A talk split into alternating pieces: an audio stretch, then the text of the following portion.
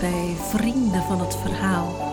De klas Spreken en Vertellen van het Conservatorium in Brugge neemt u mee op sleeptouw door de wonderenwereld van het verhaal. We verrassen u met grappige, boeiende, ontroerende, vreemdsoortige verhalen van vroeger en nu, van veraf en dichtbij. Geniet ervan.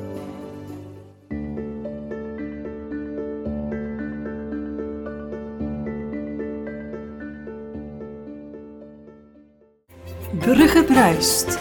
Verhalen uit Brugge die tot de verbeelding spreken. Isaura, jij hebt gekozen voor een verhaal over de bloedprocessie. Heb jij daar als bruggeling zelf ervaring mee? Jazeker. Ik heb vroeger nog meegelopen als kindje bij Jezus en de kindervriend. En dan was het de bedoeling om zoveel mogelijk klopjes op je hoofd te krijgen van Jezus. Dat was een soort wedstrijdje dat tussen ons ging. En later mocht ik ook meegaan, het bloed gaan halen in de bloedkapel en dan zo ronddragen door de stad. Het was weer zover. De jaarlijkse traditie van de Bruggelingen op Hemelvaartdag. De heilige bloedprocessie. De optocht gaat elk jaar uit sinds 1304. Maar in 1382 ging het iets anders dan gepland. De Bruggelingen vierden zoals elk jaar feest en de processie trok door de stad. Maar de Gentenaren zagen hun kans mooi om binnen te vallen tijdens de slag om Beverhoutsveld. De meeste mannen waren te dronken en te moe om te vechten. Brugge dolf dus het onderspit. De Gentenaren staken het kasteel van Malen in brand en kwamen via de Hentpoort de stad binnen. De noodklok werd geluid en al wat benen had vluchtte langs de smedepoort naar Sint-Andries. En zo stond de kapelaan van de bloedkapel plotseling moederziel alleen met Brugges kostbaarste bezit aan een ketting om zijn hals, de reliquie van het heilig bloed. Hij hoorde de Gentenaren binnenstormen. Wat moest hij doen? Ten alle prijzen wou hij voorkomen dat de reliquie in Gentse handen viel. En zo smeet hij die in paniek in het water van de rijen. Alsof de zwanen van Brugge ons heilig bloed wilden beschermen, kwamen ze zachtjes erboven zwemmen. Maar niemand had daar toen oog voor, uiteraard. Nadat de Gentse knokploegen weer huiswaarts waren getrokken, zochten de bruggelingen vruchteloos naar de reliquie van het heilig bloed. Echter ging het gewone leven al snel weer door, want velen waren tijdens de aanval gestorven. Dus er was meer dan genoeg werk te doen. Op een zekere dag moest een jong begeintje wol wassen in het bakkersrijtje. Dat was een van haar dagelijkse bezigheden. Plotseling zag ze hoe een groepje zwanen steeds maar in een grote ronde boven een bepaalde plek bleven drijven. Maar die zwanen doen nu toch eens vreemd, dacht ze. Dat heb ik nu nog nooit gezien. Het beheintje kon haar nieuwsgierigheid niet bedwingen en ze ging voorzichtig kijken wat er aan de hand was. Zij zag iets wonderbaarlijks, een mooie zilveren ketting. Ze schrok. De duivel wil mij bekoren. Juwelen zijn niet voor begeintjes. Maar toch kon ze het niet laten om alles aan de grootjuffrouw te vertellen. Met twee andere begijnen trokken ze naar de rijen. De zwanen zwommen nog steeds in rondjes. Met een lange stok visten ze de zilveren ketting uit het water op. Wat waren ze verrast toen ze de reliquie van onze lieve Heer herkenden. Ze knielden neer, sloegen een kruis, kusten de reliquie en zetten een hele litanie lofgezangen in. Ze hadden nog nooit zo mooi gezongen. En zo komt het dat de bloedprocessie nog elk jaar kan uitgaan. Blikopener. Welk verhaal inspireert jou in je dagelijks leven? Emma, iedereen heeft wel een boek dat inspireert. Wat is jouw verhaal? Mijn verhaal komt uit het boek Warme Woorden van Colette Jansen. Toen ik elf jaar was, kreeg ik dat boek cadeau voor mijn plechtige communie. Het is een verzameling zinvolle verhalen, gedichten en gebeden voor jongeren en gebaseerd op verschillende culturen en religies. Nu, als elfjarige liet ik die gedichten en gebeden wat opzij liggen, maar de verhalen spraken mij van in het begin heel erg aan. Naarmate ik wat ouder werd, vloog dat boek achter in de boekenkast, maar toen ik me vorig jaar inschreef voor de klas Spreken en Vertellen van het conservatorium, haalde ik het weer van onder het stof. En toen ik opnieuw door de verhalen bladerde, was er één verhaal dat mij in het bijzonder opviel. En dat is het verhaal van de verhalenverteller. Dat wil ik graag met jullie delen. Lang geleden leefde Jacob, een arme maar gelukkige man. Hij genoot van het leven en de wereld om hem heen. Hij genoot ook vooral van de kleine dingen in het leven. Maar hij zag dat er veel mensen waren die somber waren, onvriendelijk en zelfs brutaal. Daar moet ik iets aan doen, dacht Jacob. En op een dag besloot hij om de mensen te veranderen door verhalen te vertellen. Hij ging op een bankje zitten in het midden van het drukke marktplein en begon te vertellen. Verhalen over schoonheid, liefde en geluk. Er kwamen heel veel mensen voorbij. Oude mensen, jonge mensen, vrouwen, mannen, kinderen. Allemaal hielden ze even halt en luisterden ze, maar na een tijdje gingen ze terug verder met een dag. Ja, dacht Jacob, natuurlijk kan ik de mensen niet op één dag veranderen. Morgen moet ik gewoon verder vertellen. En opnieuw ging hij op het bankje zitten in het midden van het drukke marktplein en vertelde hij verhalen over schoonheid, liefde en geluk. Nu ja, die dag hielden er al wat minder mensen halt. Opnieuw gaf Jacob niet op. De volgende dag ging hij weer op datzelfde bankje in het midden van het drukke marktplein zitten en hij vertelde verhalen. Maar die derde dag was er al niemand meer die naar hem luisterde. Dag na dag, jaar na jaar, bleef Jacob zijn verhalen vertellen. Uiteindelijk kende hij ze van buiten en vertelde hij ze met zijn ogen dicht. Maar op een koude winteravond voelde hij iemand aan zijn mouw trekken. Er stond een kind voor hem. Ha, gekke oude man, zei het kind. Waarom blijf je toch die verhalen vertellen? Niemand luistert naar je. En Jacob dacht even na. Je hebt gelijk, zei hij.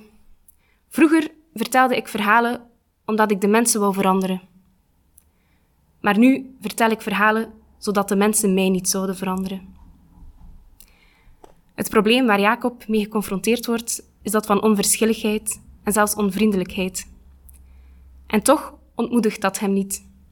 Hij blijft zijn verhalen vertellen en blijft geloven in de positieve boodschap die ze symboliseren, om van het leven te genieten en vooral van de mooie kleine dingen.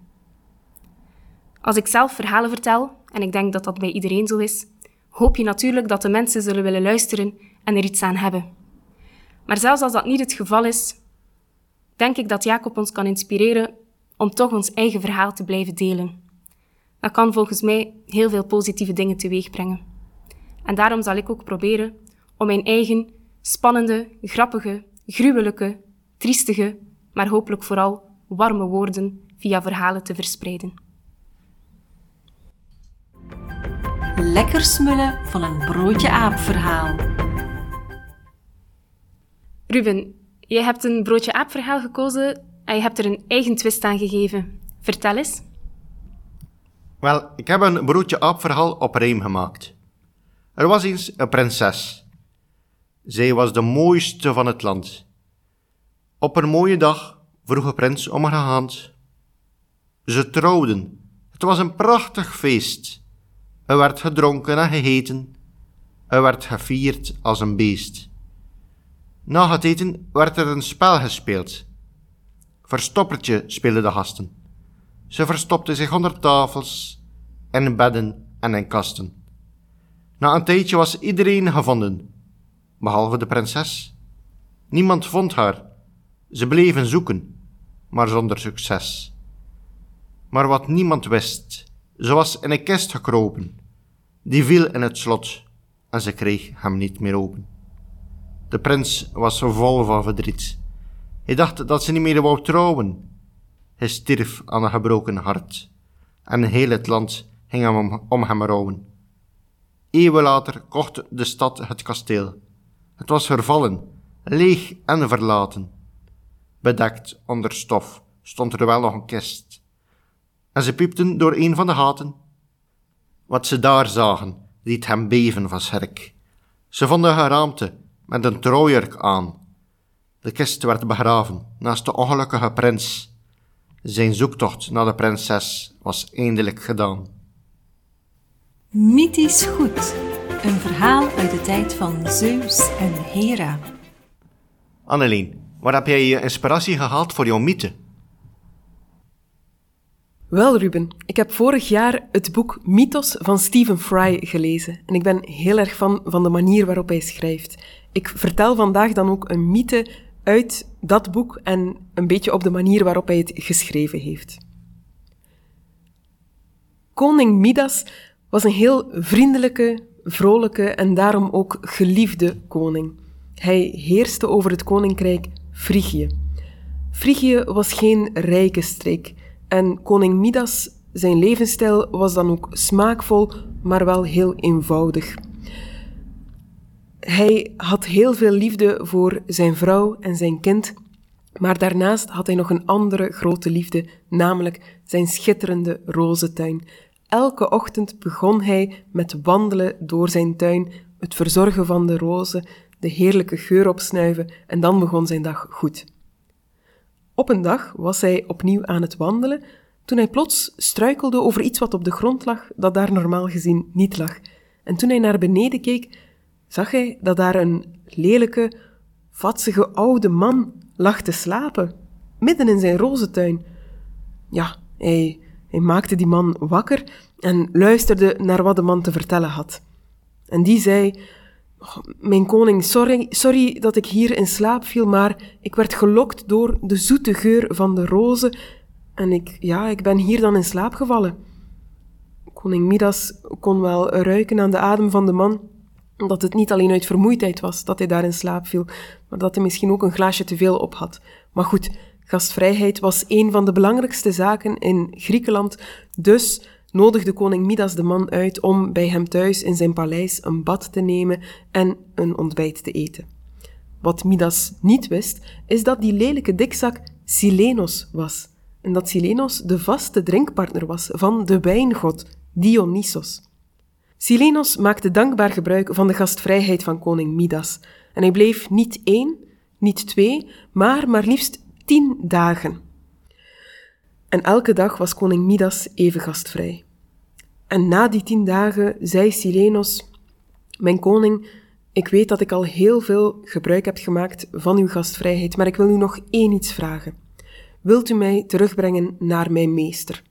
En koning Midas ging uiteraard akkoord en begeleidde Silenos naar zijn meester, die uiteraard de wijngod Dionysos was. En Dionysos was zo dankbaar voor al die gastvrijheid die koning Midas getoond had, dat hij zei: Koning Midas, je mag een wens doen. Koning Midas dacht diep na. En omdat hij natuurlijk wist dat Frigië, zijn koninkrijk, niet rijk was, wou hij een wens doen om daar verandering in te brengen. En hij zei: Dan wens ik dat alles wat ik aanraak in goud verandert. Dionysos gniffelde en zei: Het is goed. Je wens zal vervuld worden. Als je thuis komt, neem dan een bad in wijn, en als je morgenochtend wakker wordt, dan zal alles wat je aanraakt in goud veranderen. Midas ging meteen naar huis en deed wat Dionysos hem gezegd had. Hij nam een bad in wijn en ging meteen slapen. Hij kon heel goed slapen die nacht door de dampen van de wijn. En toen hij de volgende morgen wakker werd, ging hij zijn gave meteen gaan testen. En hij ging natuurlijk naar zijn rozentuin om dat uit te proberen. En inderdaad, de eerste roos die hij aanraakte veranderde in goud. En ook de volgende en de volgende en binnen de kortste keren schitterde zijn rozentuin van al het goud dat daar aanwezig was. Hij slaakte kreten van blijdschap, waarop zijn vrouw en zijn dochter naar buiten kwamen om te kijken wat er gebeurde. Koning Midas nam zijn vrouw en dochter in de armen en omhelsde hen van geluk. Ik heb gisteren een wens mogen doen bij Dionysos, zei hij, en alles wat ik aanraak verandert in goud. En hij deed een stap achteruit en, en hij zag dat ook zijn vrouw en zijn dochter in goud waren veranderd. Ach, dacht hij, dat is een foutje van Dionysos. Hij heeft dat niet helemaal goed begrepen. Dat, dat raakt wel opgelost. En hij kreeg intussen wat honger en hij dacht, ik ga eerst gaan ontbijten. Hij ging naar binnen, nam een sappige perzik die daar op tafel lag en wou erin bijten, maar ja, de perzik was in goud veranderd. Hij wou een slok water drinken, nam een beker die ook onmiddellijk in goud veranderde. Het water was nog oké, maar op het moment dat het water zijn lippen raakte, veranderde ook dat in goud. De opwinding en de blijdschap die koning Midas in het begin voelde, keerde al snel om in angst en zorgen. En na een paar dagen kwam er ook honger en dorst bij. En hij sliep ook niet meer goed, want zijn bed was helemaal hard. Het was in goud veranderd natuurlijk. Ook de gouden dekens, gouden lakens brachten geen rust. S'nachts kon hij niet echt meer slapen. Hij bevond zich meer tussen slapen en waken in. En in een soort koordstroom kwam in een bepaalde nacht de dreunende stem van Dionysos tot hem. Jij dwaas! Je mag van geluk spreken dat Silenos zo op je gesteld is. Alleen om zijnentwil schenk ik je genade. Als je morgenochtend wakker wordt, ga dan naar de rivier de Pactolos. Steek je handen in het water en de betovering zal verbroken worden. En alles wat je wast in het snelstromende water zal weer worden hoe het was. Toen koning Midas de volgende ochtend wakker werd, klonken die woorden van Dionysos nog na. En hij ging meteen naar de rivier, dompelde zijn handen onder in het water raakte daar een madeliefje aan, veel eenvoudigere bloem dan de rozen in de tuin, maar het madeliefje bleef een madeliefje en het was het mooiste wat hij ooit zag. Uiteraard sleurde hij meteen dat zware standbeeld, dat gouden standbeeld van zijn vrouw en zijn dochter naar de rivier. Hij dompelde hen onder in het water en hij zag opnieuw een blos op hun wangen verschijnen en hij werd zielsgelukkig. Hij was dagenlang in de weer om alles naar de rivier te slepen en onder te dompelen in het water en alles keerde terug naar zijn oorspronkelijke, waardeloze, maar onschatbare toestand. Koning Midas werd vervuld van dankbaarheid. En sindsdien is de bedding van die rivier, de Pactolos, de belangrijkste vindplaats in de hele Griekse wereld van elektrum, een natuurlijke legering van goud en zilver. En als je er ooit bent en je ziet een gouden schittering in het water van de rivier, denk dan eens terug aan dit verhaal van koning Midas. Het staat in de sterren geschreven, het verhaal van de grote beer. Nicolai is 30 jaar. Hij werkt in het zusterbedrijf Ford te Brugge. Je zou denken dat hij al op het hoogtepunt staat van zijn carrière, maar niets is minder waar. Hij ziet er enorm prachtig uit, blond haar, ogen om in te verdrinken, pastelgroen. Ook iets dat weggeeft van sluwe vossenogen, iets dat je nodig hebt voor het zakelijk instinct als afdelingshoofd. Monica komt binnen op haar grote hakken met een te kort rokje en zet haar aan haar bureau. Ze leunt ietsje opzij, zodat haar zijbil duidelijk zichtbaar is voor Nicolai. Dit was Nicolai zeker niet ontgaan. Nicolai ging naar Monica toe en hij zei: Monica, ga je even mee naar de koffieautomaat? We kunnen daar eens samen praten met elkaar over hoe we onze afdeling verder zullen besturen en hoe jij eh, dat allemaal administratief bijhoudt. En dan kunnen we misschien ook nog iets gaan eten vanavond. Charles, zijn overste van Nicolai, was druk bezig aan het typen aan een document waar hij al maanden aan werkt, maar vanuit zijn ooghoek zag hij dat er daar te veel aan het gebeuren was aan die koffieautomaat. Monica stond daar met haar grote boezem iets licht overgeleund naar de koffieautomaat, alsof die koffieautomaat volledig ging vallen op Nicolai. En hij wist dat dit een volledig verkeerd beeld was. Hij nam Nicolai apart en zei tegen hem: Nicolai, als je echt wil doorstromen in dit bedrijf, zal je toch die frutiliteiten met vrouwen aan de kant moeten schuiven. Ik stel voor dat jij Monica gewoon ontslaat.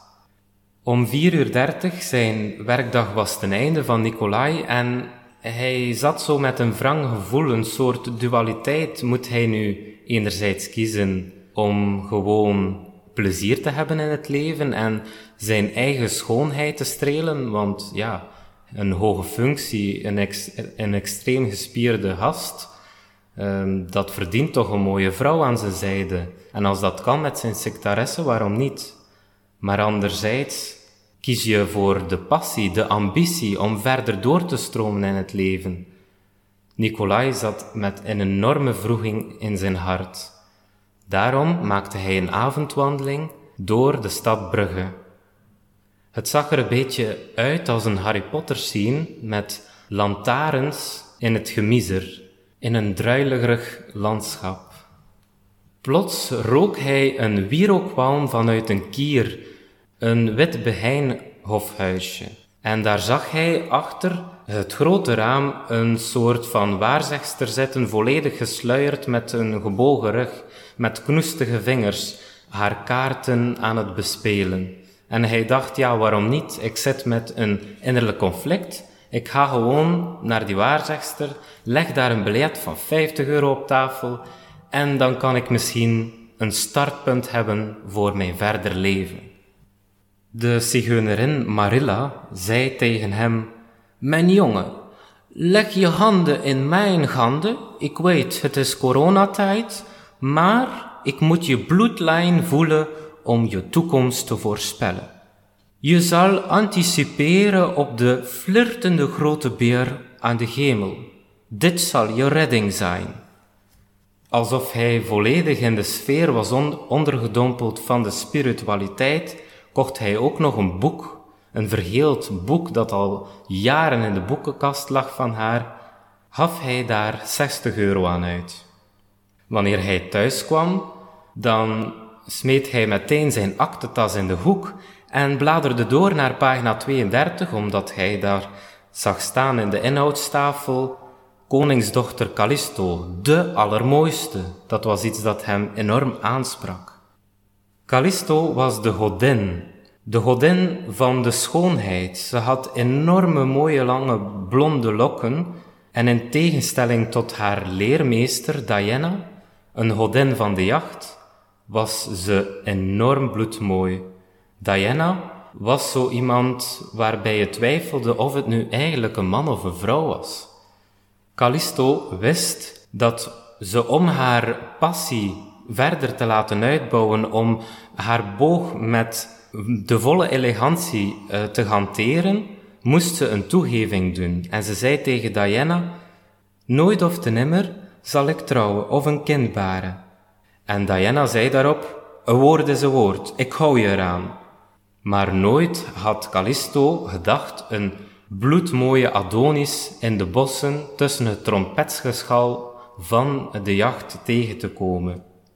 Je zou kunnen zeggen dat het een potentiële metgezel was van Barbie, gebruinde huid en een afgetraind lichaam alsof hij uren in het zwembadwater had getraind. Natuurlijk was dit voor Callisto een aantrekkelijk moment, omdat ze wist als ze een kind zou krijgen van hem, dat dat kind de allermooiste van de aarde zou zijn. Na een tijdje zag Callisto het bewegend wild in het bos niet meer bewegen, omdat ze iets anders voelde bewegen in haar buik. Een vrucht dat groter en groter werkt, en dat was Diana ook niet ontgaan. Diana zei, een woord is een woord, en hou je eraan.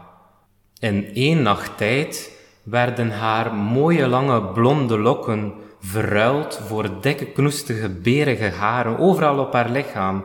Haar ingedeukte kaken, dat ook een kenmerk was van de allermooiste, vulden zich op tot dikke, pappige, berige wangen, alsof die alle wintervoorraad aan honing had opgeslurpt, hoewel het eigenlijk lente was.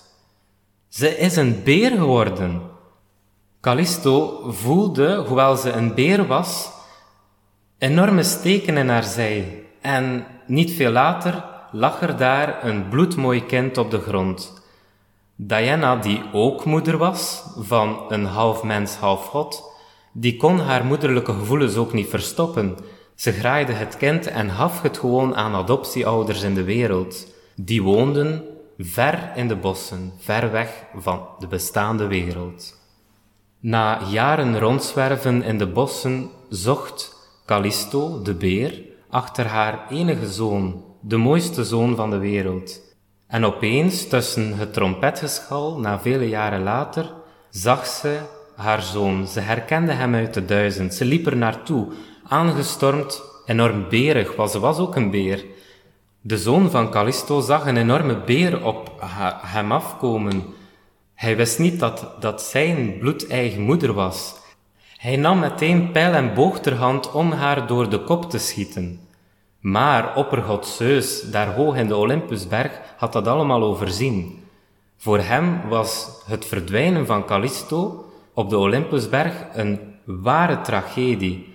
Hij wilde ook nog eens een ultra-ursa-tragedie voorkomen en uh, plaatste Callisto voor eeuwig in de hemel. Godin Diana van de jacht, die was daar niet mee akkoord en ze zei, ze mag nooit of te nimmer onder de horizon gaan. Ze mag nooit of te nimmer rusten.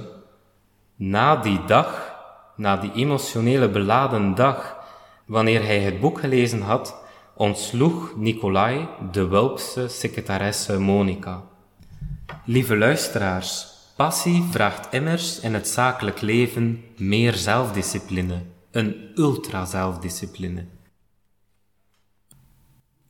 Dit was de derde aflevering van Vrienden van het Verhaal. De volgende keer duiken we in de wereld van de kinderverhalen. Is er een verhaal uit je jeugd dat je graag nog eens opnieuw wil horen?